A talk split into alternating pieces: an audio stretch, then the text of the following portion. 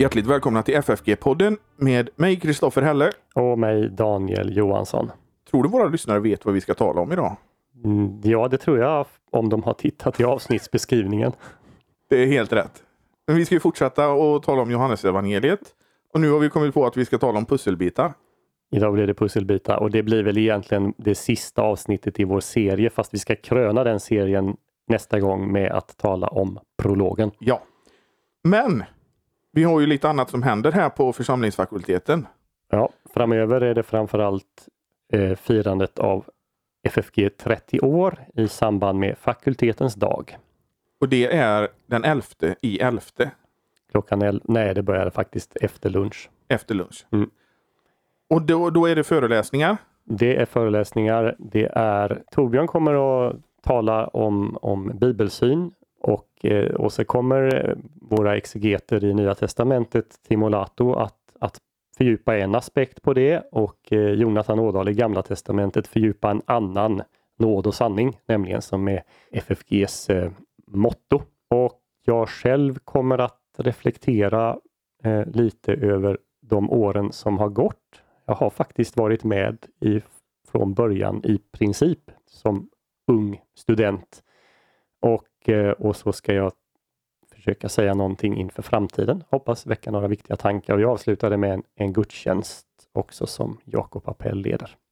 Och då är det alltså, det börjar klockan 13.00. Ja. Och så kan, kanske det är slut någon gång vid sextiden. Något sånt tror jag det borde bli, ja. Ja. Jag, jag har inte schemat i huvudet. Ja, det blir väl det. Jakob ska predika över ett underbart tema tycker jag. Intill denna dag har Herren hjälpt oss. Och det är den, det är den sista punkten så är det gudstjänst Ja. i kapellet. Om Eller kapell- om det är många på plats så blir det uppe i stora föreläsningssalen. eller då, jag tänkte kanske man kan du få sitta och lyssna genom högtalarna. Det kan också hända. Ja. Vi löser det. Ja. Vi hoppas att många kommer hit. varje Ja, fall. det gör vi ju. Det gör vi Mm. ju. Och, och podden finns självklart på plats också med inspelningar och sånt där. Vi, får, vi återkommer till det. Mm. Men sen är det ju också vi har ett bokerbjudande till poddens lyssnare. Just det. Med an anledning av de här 30 åren så har vi ett bokerbjudande som man knappt kan motstå. Det var en anspelan på en viss film va? Men det går vi inte in på nu. Ja, nej. Men 30 kronor för allting just nu. 30 kronor för våra tre hittillsvarande eh, jubileumsskrifter. 10-årsskriften, 25-års, eh, 20-årsskriften och 25-årsskriften. Och det är lite av en sensation det här med 20-årsskriften. För vi trodde ju att den i princip var slut. Mm, men vi har hittat några ex till. Ja, Fri och bunden heter den, tar upp antropologiska frågor, frågan om människosyn. Mm. Sen är det den mångfacetterade reformationen med massa olika artiklar med anledning av reformationsjubileet. Det är 25-årsskriften och den första hette Nåd och sanning. Det var 10-årsskriften. och de kostar 30 kronor styck. Mm. Och skickar man ett mejl till info.ffg.se info.ffg.se så får man dem för 30 kronor styck plus porto om man säger att man har hört det i podden. Ja, och sen har vi ett erbjudande till, om man, men då måste man komma förbi och hälsa på på Ekmansgatan 3. Då kan man köpa vår FFG-mugg för 30 kronor, Mm. en t-shirt för 30 kronor eller en anteckningsbok på samma sätt. Väldigt vackra med FFGs blå och vita färger. Jag sitter och antecknar i en sån själv. Just det, det gör du. Mm. Ja. Eh, Men, så, så det är 30 kronor styck, men de skickas inte utan det får man, då får man komma hit Då helt måste enkelt. man komma hit. Man kan ju passa på och, och komma hit eh, vid fakultetens dag till exempel. För då kommer erbjudandet finnas kvar såvida det inte har sålt slut till dess. Det kan ju mycket väl hända att det är så många i den här, som lyssnar på den här podden som skickar mejl nu och beställer så att allting är slut. Det gick faktiskt åt en hel del under den gångna helgen. Den gångna helgen när vi spelade in det här när eh, Kyrkliga förbundet firade sitt 100-årsjubileum i huset. Ja, men det är bra att det kommer till nytta att det, det säljs böcker. Absolut. Det läses alldeles för lite idag tror jag. Kanske lyssnas mer på poddar till exempel. kan man också Det, göra. det är ju inte fy skam det heller. Nej. Nej. Och man kan ju också ge en gåva till den här poddens och församlingsfakultetens arbete. Mm. Ska du dra numret idag? Kan, det kan jag göra. Se. 123 100 8457. Det är alltså swishnumret. Och så märker man det med FFG gåva eller FFG podcast så kommer det fram. Men det är viktigt att man skriver FFG.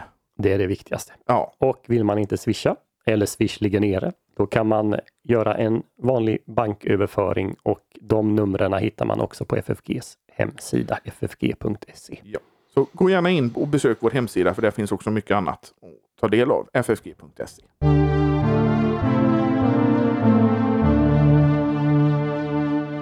Ja, Daniel, ska vi börja lägga pussel nu då? Ja, fast vi gör en grej innan vi lägger pussel. Jag tänkte bara för den som nu är intresserad att fördjupa sig i de här frågorna så tänkte jag komma med lite boktips. Jag tror vi har nämnt några alldeles i, i början på serien, men, men några viktiga böcker i sammanhanget. Och vi lägger också ner de här författarna med titlar i eh, avsnittsbeskrivningen så hittar man dem här om man inte hinner med. Eh, men jag, jag, nämner, vad blir det nu, fyra, fem stycken titlar mm. här. En bok som man kan läsa som faktiskt var den första jag själv läste i det här ämnet om jag inte missminner mig är J.A.T. Robinson, The Priority of John. Lyfter många av frågeställningar vi har gjort hittills i programmet. En annan är den australiensiske bibelforskaren Leon Morris, Studies in the Fourth Gospel, studier i det fjärde evangeliet. Craig Bloomberg har skrivit en bok som heter The Historical Reliability of Johns Gospel, alltså den historiska tillförlitligheten i Johannes evangeliet. Vi har nämnt Richard Bakans namn. Han tar ju upp flera av de här frågorna i boken Jesus and the Eyewitnesses som ju fokuserar framförallt på Marcus evangeliet och Johannes evangeliet. Och så till sist eh, Lydia McGrew. Det är väl den senaste boken som har kommit i ämnet. The Eye of the Beholder heter boken. The Gospel of John as Historical Reportage. Så, och sen kan man också om man vill kanske låna från något eh, universitetsbibliotek eh, James Charlesworth Jesus and Archaeology. Det var därifrån jag hämtade eh, många av uppgifterna när vi diskuterar arkeologin i Johannesevangeliet. Det finns två bra utförliga artiklar där. Finns de här böckerna i vårt bibliotek här? Här finns väl eh, samtliga utom Charles Worth eh, finns väl här tror jag. Jag har dem i min bokhylla. Och, men då får man, ju, vi har ju inte hemlån här. Nej, då får man komma hit, låna och sitta på en läsplats och, och läsa. Och det går ju bra att göra det också. Det är man välkommen att göra. Ja. Men bra, då lägger vi de eh, tipsen i avsnittsbeskrivningen också av det här avsnittet. Ja. Så behöver man inte spola tillbaka och hämta papper och penna. Nej, längst ner. Ja. Ska vi prata om pusselbitar nu då? Ja. Är mm. du bra på att lägga pussel? Mm. Eh, ja, det, jag har väl ägnat mig lite grann åt det, men kanske inte så mycket åt, jag lägger andra pussel än de här fysiska pusslen. Vet han Skandiamannen, han sa att polisen inte var bra på att lägga pussel. Ah. Okay. Han sa det i en intervju med honom. ja. Så jag hoppas att vi är bättre då. Ja, vad, vad syftar pusselbitar på här nu? Jo, det, det, är två saker vi ska ta fram i det här avsnittet där vi har en hög frekvens av sådana här eh, små pusselbitar i Johannesevangeliet. Högre än i de andra evangelierna får vi nog säga. Den ena pusselbiten är eh, saker, små uppgifter som lämnas närmast utan förklaring. De bara hänger i luften. Eh, man kan ju läsa en kommentar rakt igenom eller så lä man läser Johannes och, och så får man massa frågor, läser en kommentar på de här och inser att kommentarerna har kanske inte heller några svar på dem. Det hänger i luften. Det är den ena biten och den andra är små notiser i dels Johannes evangeliet och dels i något av de andra evangelierna som tillsammans ger en större bild av vad som, vad som skedde. Var för sig betyder de inte så mycket men när vi får med båda källorna till exempel, så, så ger det en helhetsbild och en förklaring på saker och ting som lämnas oförklarliga. Båda de här eh, kan man ta eh, och bör man nog ta som tecken just på eh, en, en ögon eller öronvittnesskildring. Eh, tänk Kristoffer om du, du berättar om någonting som hände dig eller du berättar kanske en, en historia för, för, för, eh, för, för någon vän eller så som har hänt dig. Så är det ju inte ovanligt att att man tar med detaljer som kanske inte har så mycket för själva, med, med själva berättelsen att göra. Man tar bara med dem därför att man såg eller man hörde någonting. Det är ganska vanligt att det är på det sättet. Ja, det är jättevanligt. Och, och där har vi många sådana exempel faktiskt i Johannes evangeliet i, i högre utsträckning än i de andra. Vilket ju, för en som bara har, ska vi säga att om evangeliet bara är fiktion och mm. påhittat så har du i regel ingen anledning att stoppa in sådana saker. Såvida man inte är, jag menar, extremt duktiga att skriva eh, fiktion. Men, men ofta så gör man ju sitt, det man skriver mer, mer slimmat om man, om man säger så. Och, och har man en, en välpolerad berättelse till exempel tar man ju bort onödiga detaljer. Jag tror att Bockham tar upp lite av det just det här mellan eh, kopplingen mellan litteratur och eh, teologi i det här fallet. Ja, ja, och han tar ju också upp, han har ju ett viktigt kapitel här om, om vad som sker vid, vid rättegångar eller hur man ser på på vittnen och deras berättelser. Och en hel del, om man ska hänvisa då till konkret forskning som har bedrivits och som man kan tillämpa de här, det är ju just på rättsprocesser. När, när, är, en, när är ett vittne tillförlitligt och när är det inte tillförlitligt? Och då spelar just sådana här detaljer utan någon större betydelse en ganska viktig roll. Ja, och det gäller ju då också alltså när, det, när en detalj i evangeliet inte tycks ha någon specifik eh, betydelse för just den berättelsen men kan kasta ljus på något annat eller det finns saker som blir förklarliga i ljuset av en detalj vi hittar i ett annat evangelium. Om vi inte utgår ifrån att författaren i det här fallet till Johannes evangeliet har haft de andra synoptiska evangelierna framför sig så pekar ju det snarare i den riktningen att, att här har det med, med ett ögon, ett öronvittne som har varit på plats och som minns saker. Och så finns det något annat vittne i något annat sammanhang som också minns saker och tillsammans så ger de här helhetsbilden och en eller båda berättelserna blir mer förklarliga. Då. Jag, tror att det, jag tror att det ger sig. Låt mig bara ge ett litet exempel och det, det är ett eh, exempel som, eller hur man nu ska eh, förklara det här som, eh, som McRue tar upp när hon eh, diskuterar de här frågorna. Man kan tänka sig så här att låt säga att någon kommer till en, en arbetsplats på morgonen och, och säger att eh, eh, jag blir försenad på grund av en trafikolycka i, i den och den korsningen. Och så ytterligare några timmar senare så kommer en annan till samma arbetsplats och också är försenad, jag är betydligt mer försenad och säger att eh, ja, jag eh, fick punktering därför att jag råkade ut för glassplitter i den och den korsningen, i samma korsning. I det ena fallet nämns inget glassplitter, den första som kom in till jobbet. I det andra fallet nämns ingen trafikolycka och att det blev någon, någon kö. Men eh, tillsammans, när man läser dem tillsammans, så behöver det inte betyda att den ena har ljugit ihop sin historia och den andra inte, eller att båda har gjort det. För att båda kan egentligen utifrån samma händelse tala sanning, det vill säga det har skett en trafikolycka som ledde till att det blev kaos i den där korsningen på morgonen. När någon kommer dit lite senare så har inte allt glassplittret från bilkrocken eh, plockats upp och man råkar få eh, en punktering. Eller något liknande. Men då kan man ju säga då att eh, de, de som bibelkritiska forskare som kommer in, de är som försäkringsbolagen sen då som ska försöka att trasa sönder de här berättelserna och säga att ah, men det stämmer inte för den sa inte det och den sa inte det. I, i vissa fall kanske man kan säga det eller, eller man kan, jag skulle nog säga att, att i, i kritiken här har man kanske varit överkritisk, mer kritisk än vad ett försäkringsbolag eh, skulle vara. För ibland har man, om man har utgått ifrån, i synnerhet nu i Johannes, det har vi pratat om, att, att, att Johannes är mycket mer teologi, det är uppdiktat, det har inte någon, någon förankring i, i, en historisk verklighet. Men om man istället utgår ifrån att ja, men vi får utgå ifrån att de talar sanning, så är det många sådana här detaljer som, som faller på plats. Ska vi ta några av de här eh, ja, det vi, det vi. Eh, exempel nu där, där saker och ting bara tycks eh, hänga i, i, i luften? Första kapitlet i Johannes evangeliet så, så stöter vi på massa blivande lärjungar. Och så har vi då Natanael som inte tycker att det låter så lovande när Jesus kommer från Nasaret.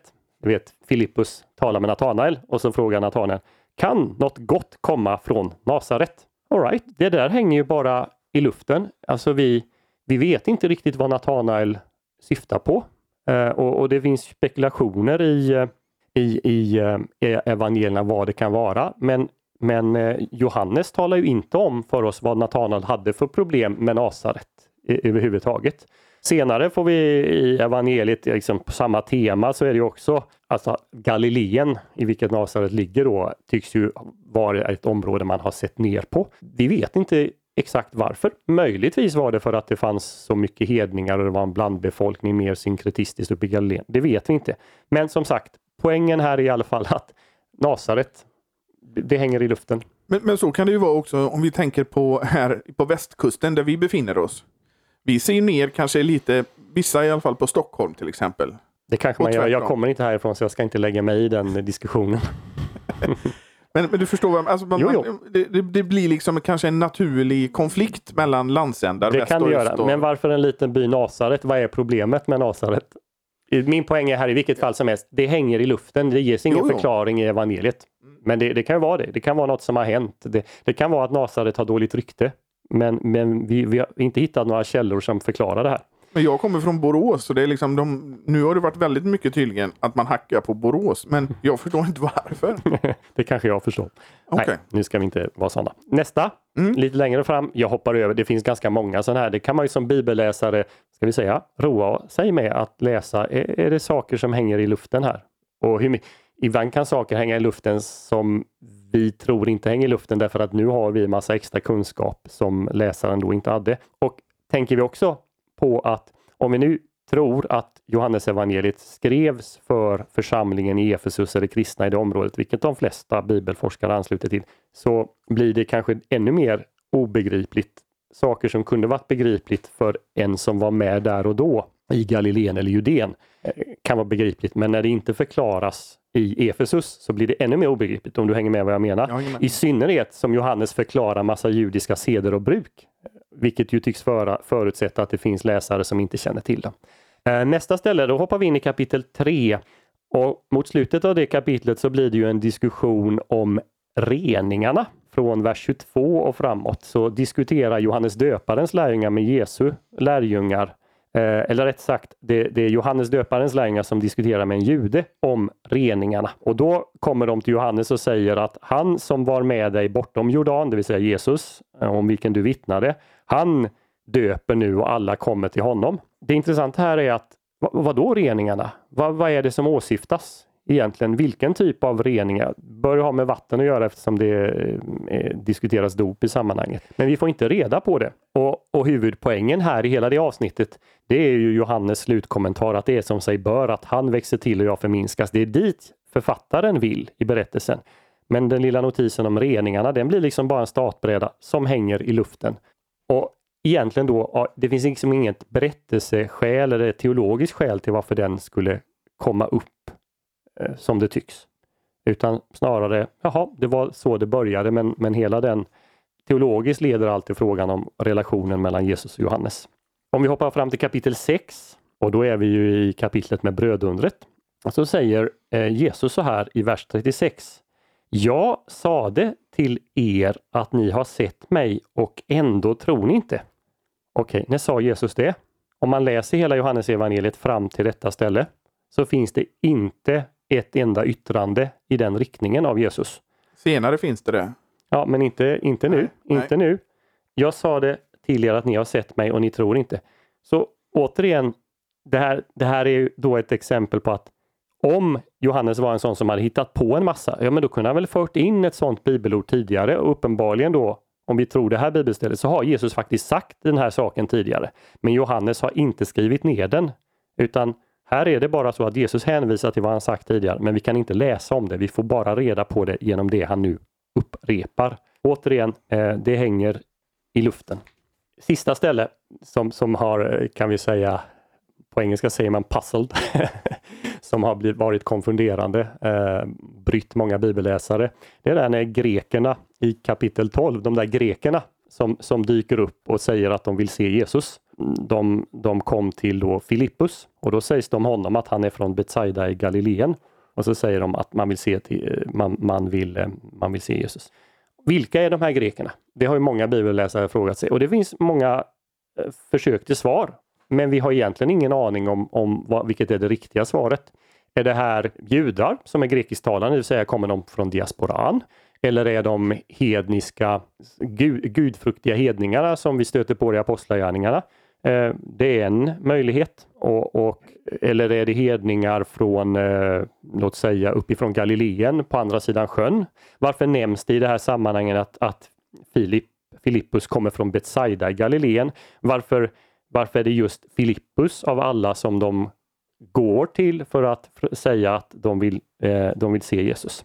Återigen, det hänger i luften och när Jesus tar den här saken vidare så kommenterar han ju inte det här överhuvudtaget. Och nu säger han, nu är stunden inne för att människosonen att förhärligas. Varför just där och då? Ja, vi har inga raka svar på det. Jag tänkte på en annan sak om vi nu ska tala om det här med litterära knep och så. Att vi, det är ju lätt att se det med dagens glasögon att vi har mycket böcker som vi har läst idag och det finns mycket så som du kan ta, ta del av information och, och sånt Mm. som Men det fanns inte så på den tiden. Man skrev på djurhudar i princip. Eller ja, papyrus. eller papyrus. papyrus. Ja.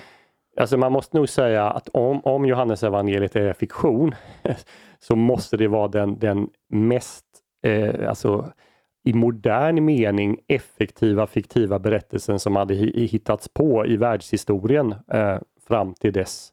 Jag tror inte det finns något exempel som är i närheten. Och, och, inte ens idag när folk har tillgång till så mycket litteratur, en sån stor medvetenhet om, om hur, man, hur man skriver fiktiv litteratur och så vidare, så, så är det få som, som kan få med så mycket detaljer som tycks peka snarare på att här är det någon som, som har varit med och minns. Ja, för det är ju liksom lätt att se det med dagens glasögon och tänka ja men vi vet ju hur man gör, hur man lägger en text till rätta och allting sånt här i ett ordbehandlingsprogram på datorn.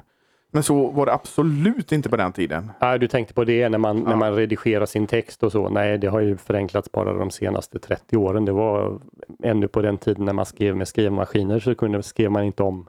Det var ett otroligt jobb att skriva om många gånger. Det, och det som sagt, det finns många fler sådana exempel och det vi kan konstatera är att också det är fler sådana här exempel faktiskt i Johannes än det är i, i de tre andra evangelierna.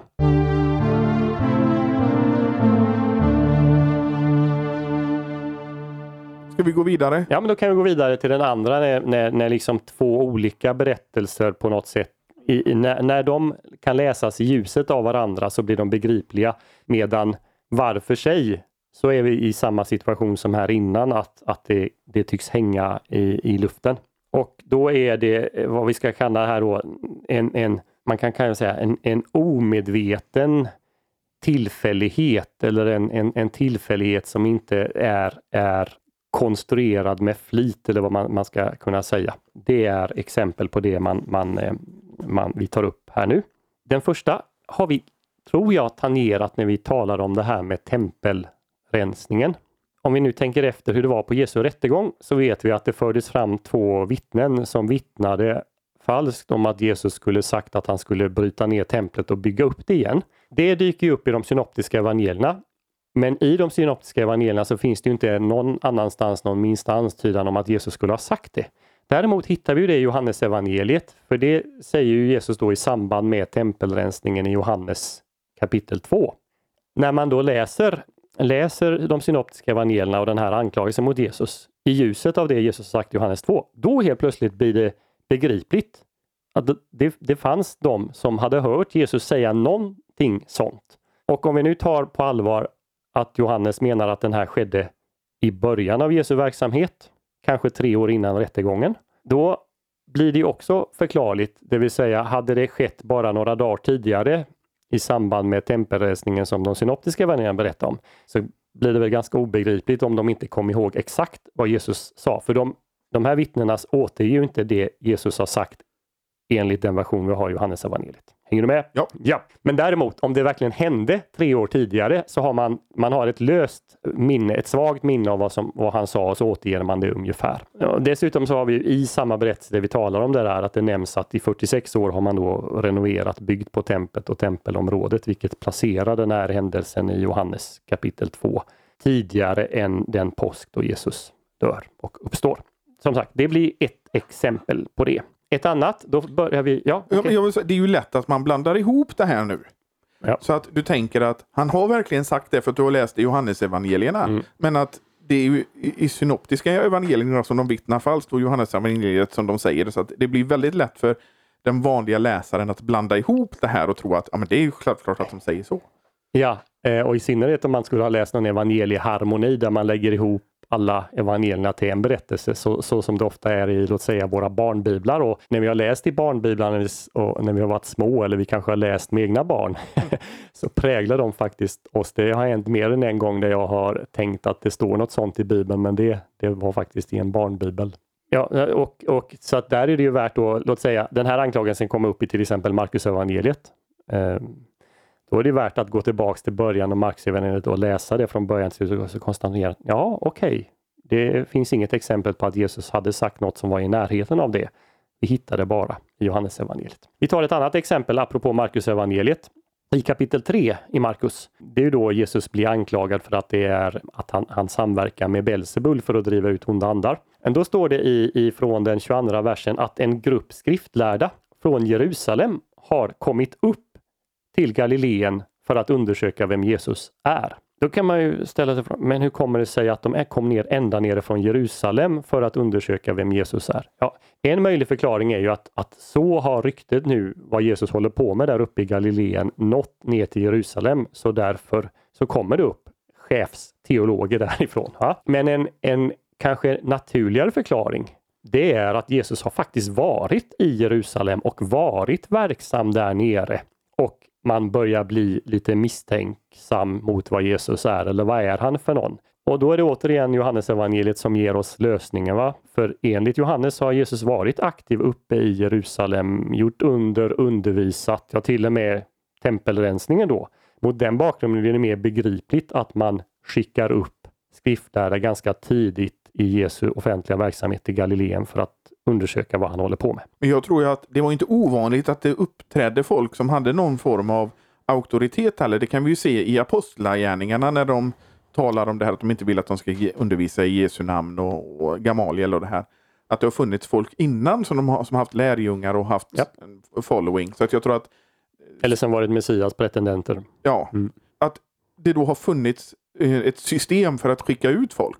Ja, det, det är möjligt, men, eh, men det, det, det är väl alltså myndigheterna, översteprästerna, mm, Stora rådet och så har ju anledning att hålla koll på vad som sker i landet. Eh, definitivt. Men som sagt, en möjlig förklaring är helt enkelt att man snarare följer efter Jesus dit upp än att, att någon så att säga skickar en rapport ner till, till Jerusalem. Nu måste ni komma upp och kolla vem, vem han är. Ja, det är inte uteslutande, men det är lättare att förstå Markus kapitel 3 om Jesus om man förutsätter att Jesus redan har varit nere i Judeen och varit aktiv eh, där. Tredje exemplet här, jag tror jag hade fyra eller någonting. Eh, det är eh, återigen brödundret. Där finns det flera saker som man eh, faktiskt eh, kan ta upp. Den första är det som kallas Messiashemligheten som också är oftast aktuell i, i eh, Markus evangeliet men i de andra också. Det här att Jesus förbjuder folk att tala om varför, vem han är. Varför gör han det? När man läser de synoptiska evangelierna så så är det egentligen obegripligt om vi inte tar in annan information, till exempel vad det fanns för Messias förväntningar. Men det blir glasklart när vi läser Johannes evangeliet för att i samband med brödundret så är det så drar folk slutsatsen att han är den som skulle komma och de vill göra honom till kung. Till kung. Är kung. Och då, gör, då drar sig Jesus undan därifrån. Han skickar iväg lärjungarna först. Då får vi en förklaring på varför skickade Jesus iväg lärjungarna på sjön den där natten och inte själv följde med. Han skickar iväg dem och sen drar han sig undan på berget. Det ges en förklaring till det. Jesus är ingen, eh, ingen jordisk kung, ingen mm, ska vi säga, militärisk Messias som vill upprätta ett, ett sådant rike. Den andra saken är att i, eh, i, i sam, när Markus evangeliet berättar det här så får vi, får vi en, en, en liksom uppfattning om att det är mycket folk som rör på sig i samband med det. Det står i, i Markus 6, 30-31 att människor kom och gick Alright, det skulle kunna helt enkelt bero på att Jesus är så populär så mycket folk kommer att gå. Men det kan också helt enkelt bero på att det här sker vid påsk. Och i så fall så är det pilgrimer som rör sig igenom området eh, i, i Kapernaum här på väg upp till Jerusalem. Så där, det kan förklara det. Vi förstår utifrån, eh, utifrån eh, Johannes ju att det rör sig om påsk. Och det finns ytterligare en sak som, som, eh, där de här eh, hänger ihop, nämligen Marcus berättar att det var massa grönt gräs på platsen där det skedde. Och återigen, då vet vi utifrån väderomständigheter och klimat att grönt är det bara under en ganska kort tid i Galileen, nämligen just på vid vårtid i samband med påsken. Så där får vi en indirekt eh, eh, sak som också pekar på att ja, det var vid påsktid det här skedde. Men det var Johannes som är explicit om det. Tredje detaljen här Johannes berättar att Jesus av alla lärjungar frågar Filip, vad ska vi få tag, Filippus heter han, vad ska vi få tag på mat till, till de här? Varför frågar han ingen av de mer kända apostlarna? Äh, Filippus är ju ganska okänd. Ja, då finns det på andra ställen i, i evangeliet som vi noterade i kapit, senare i kapitel 12 att han kom från Betsaida vid, vid sjön där. Och i, här är det Lukas evangeliet som berättar för oss att brödundret tog, ägde faktiskt rum just vid Betsaida. Så det är helt logiskt när vi får med alla de här pusselbitarna från Markus, från Lukas och Johannes att, att, eh, att den Jesus fråga är liksom den, den loka, lokale pojken, vad säger man? Alltså han, han som, som känner till omständigheterna där, eh, som, som får frågan hur, hur vi ska få tag i mat till, till de här människorna. Just det med Messiashemligheten. Det finns ju inte i Johannes evangeliet på, på samma sätt som i synoptikerna. Det närmaste jag tänker man kan komma det är ju det här när han säger att människosonens eh, tid är ännu inte kommen till exempel vid bröllopet i Kana. Ja, nej men har, det, i Johannes betonas inte på samma sätt eh, att, att eh, folk får inte säga någonting när, när det händer. Sen, sen kan man också säga det att Johannes tar ju inte med några egentligen av de helande underna Jesus gör och där han säger att folk ska vara tysta. De, de finns inte med i Johannes evangeliet överhuvudtaget. Och det andra är att flera av de incidenterna som händer när Jesus säger att folk ska vara tysta, de nämns inte heller. Han, han förbjuder till exempel orena andar att säga vem han är. Men vi har inga exorcismer i Johannes evangeliet. Men, men det, det är påtagligt och samtidigt är det så intressant att det är Johannes av alla som förklarar varför Jesus har anledning att säga att man inte ska sprida ut vitt och brett vem han är. Ska vi ta ett sista ja. eh, exempel? Och, eh, och det handlar om Jesu intåg i Jerusalem. Om vi nu läser de eh, synoptiska evangelierna återigen, så har Jesus ännu inte varit uppe i Jerusalem. Och ändå så finns det stora skaror som uppenbarligen både följer med honom och som tar emot honom från Jerusalem när han kommer och, och jublar över hans inträde. Hur, hur kan man förklara det? Alltså vi, på något sätt tar vi det bara för givet kanske när vi läser de synoptiska evangelierna. Men eh, om vi inte förklarar det som att ryktet har gått före eller att det är bara de som har kommit med honom upp från, från eh, Galileen som jublar. Och, och, och, känslan man får läsa det, det är att det är fler folk än så. Så återigen, om Jesus har varit verksam redan uppe i Jerusalem så har vi en förklaring på varför folk eh, jublar så mycket. Och eh, Jeriko ligger ju alldeles i närheten av Jerusalem. Hur kommer det sig att den, den här blinde Bartimaeus och han har uppenbarligen en, en, en vän också som inte nämns vid namn för Matteus nämner två stycken. Hur kommer det sig att han kan ropa till Jesus om att han ska få sin syn? Hur vet han det? Jesus aldrig har varit i Jeriko tidigare eller, eller där nere. Ja, men enligt Johannes evangeliet har Jesus varit verksam även i, i Judeen och i Jerusalem. Och det förklara, det står ju om, om tecken och under som Jesus gör i Jerusalem redan i kapitel 2 i Johannes evangeliet. Så återigen så förklaras var det synoptikerna berättar om förväntningarna, att, att blinda kan förvänta att de får sin syn han kommer till Jeriko, att det finns mycket folk omkring Jesus, mycket folk tar emot honom. Det blir närmast obegripligt om, om vi inte har med Johannes evangeliet här. Har du något mer exempel nu som vi kan ta som en avslutning? Ja, alltså vi, kan, vi skulle även kunna gå till, eh, till rättegången eh, och eh, rättegången mot Jesus hos Pilatus. Där är det väldigt mycket just i Johannesevangeliet som kommer fram i ljuset. Vi förstår av Johannesevangeliet att, att det hela handlar om han gör, om, om han gör anspråk på att vara, vara en kung. Men Jesus är samtidigt väldigt tydlig med att nej, mitt rike är inte av den här världen. Vilket bara Johannes berättar om. Och Då förstår vi varför enligt de andra evangelierna att Lukas eh, kan berätta och Matteus kan berätta att, att Pilatus ville egentligen inte döma Jesus till döden. Därför att den, det samtal då som har ägt rum mellan Jesus och Pilatus förklarar varför Jesus egentligen inte är något, någon farlig konspiratör eller någon som skulle göra anspråk på att ta kejsarens plats.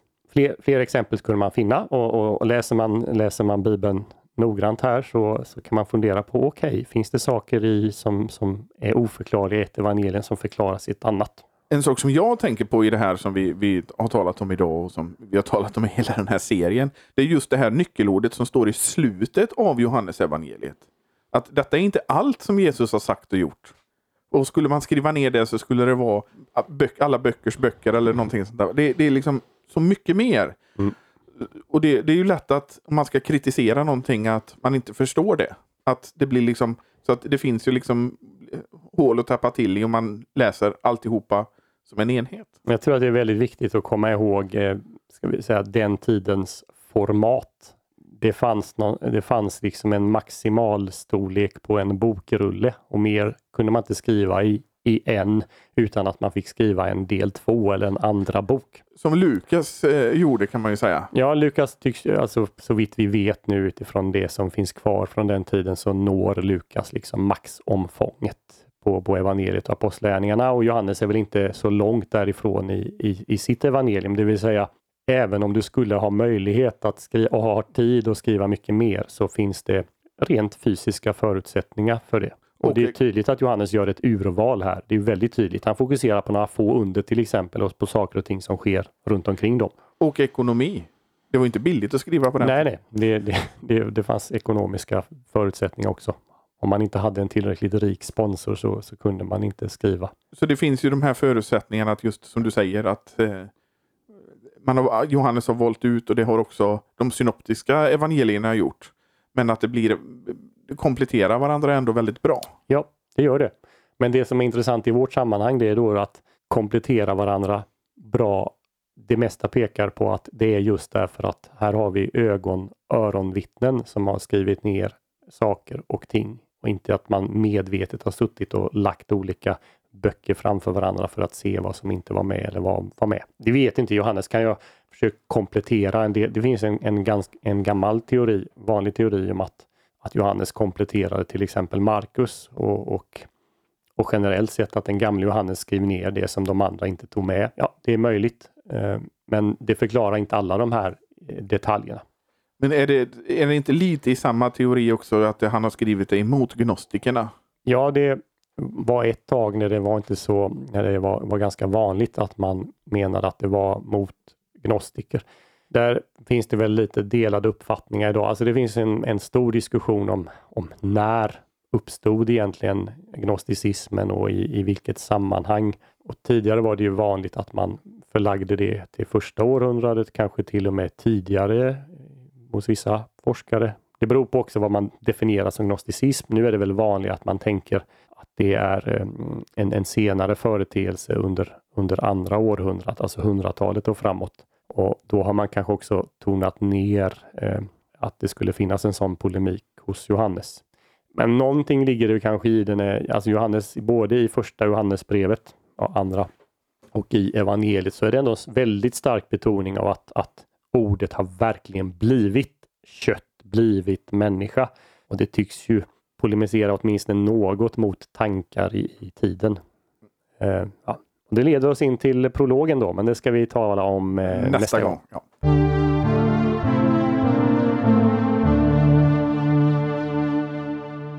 Och är det så Daniel, att man vill ge ett bidrag till den här poddens och församlingsfakultetens arbete så kan man ju göra det på Swish. kan man swisha 123 100 8457 och skriva, märka det med FFG podd gåva. Ja. Viktigt att man skriver FFG så det kommer fram till, till FFG. Och man kan ju också ge en extra födelsedagspresent. Skriva FFG grattis. Det kommer också fram. 30-årspresent ja. Ja. Mm. Vad fick du själv i 30-årspresent? Det har jag glömt. Jag fick en slips. Jag kommer ihåg vad jag fick. Jaha. Jag fick en cykel som jag fortfarande använder. Oj, Jag avslöjar inte hur många år det är sedan. inte jag heller.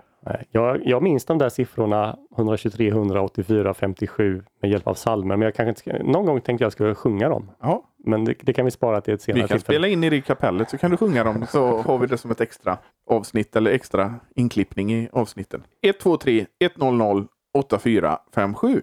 Och, och eh, sen bokerbjudande 30 kronor styck för jubile tidigare jubileumsskrifter plus porto. Och då mejlar man info ffg.se. Får man det och skriver, att- och man skriver att man har hört det i podden.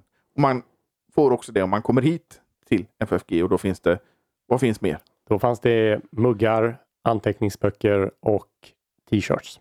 Sen kom jag på, vi glömde säga en sak i inledningen. Aha, det har inte jag kommit ihåg. Då ska jag påminna dig. På fakultetens dag så Ja. blir det också bokrelease. Just det, det blir bokrelease och vi talar inte om vilken bok nu, men det, det är en, en, ny, en ny småskrift. Ska finnas i tryck då. Och då på fakultetens dag så blir det release. Och jag kan lova nu att det blir också ett avsnitt. Ja, om, Den nya småskriften. om den nya småskriften. Jag tror att om vi säger titeln så tror jag att vi avslöjar. Nej, vi ska inte avslöja Nej. den. Det sparar vi. På fakultetens dag den 11 november, 11 i 11, så är det bokrelease också. Plus föredrag och 30-årsfirande och gudstjänst. Varmt välkomna. Ja. Ingen anmälan? Utan, Eh, nej, bara Nej. kom hit. ja. Så, och jag säger tack Daniel. Nu har vi gjort ännu ett avsnitt. Jag tror att det är, är den sjätte i ordningen. Ja, Johannes. Då är det perfekt om det blir sju avsnitt totalt. Inte minst därför att vi håller på med Johannes evangeliet att talet sju är viktigt symboliskt tal. Ja. Så eh, vi säger tack för den här veckan och vi hörs igen nästa vecka.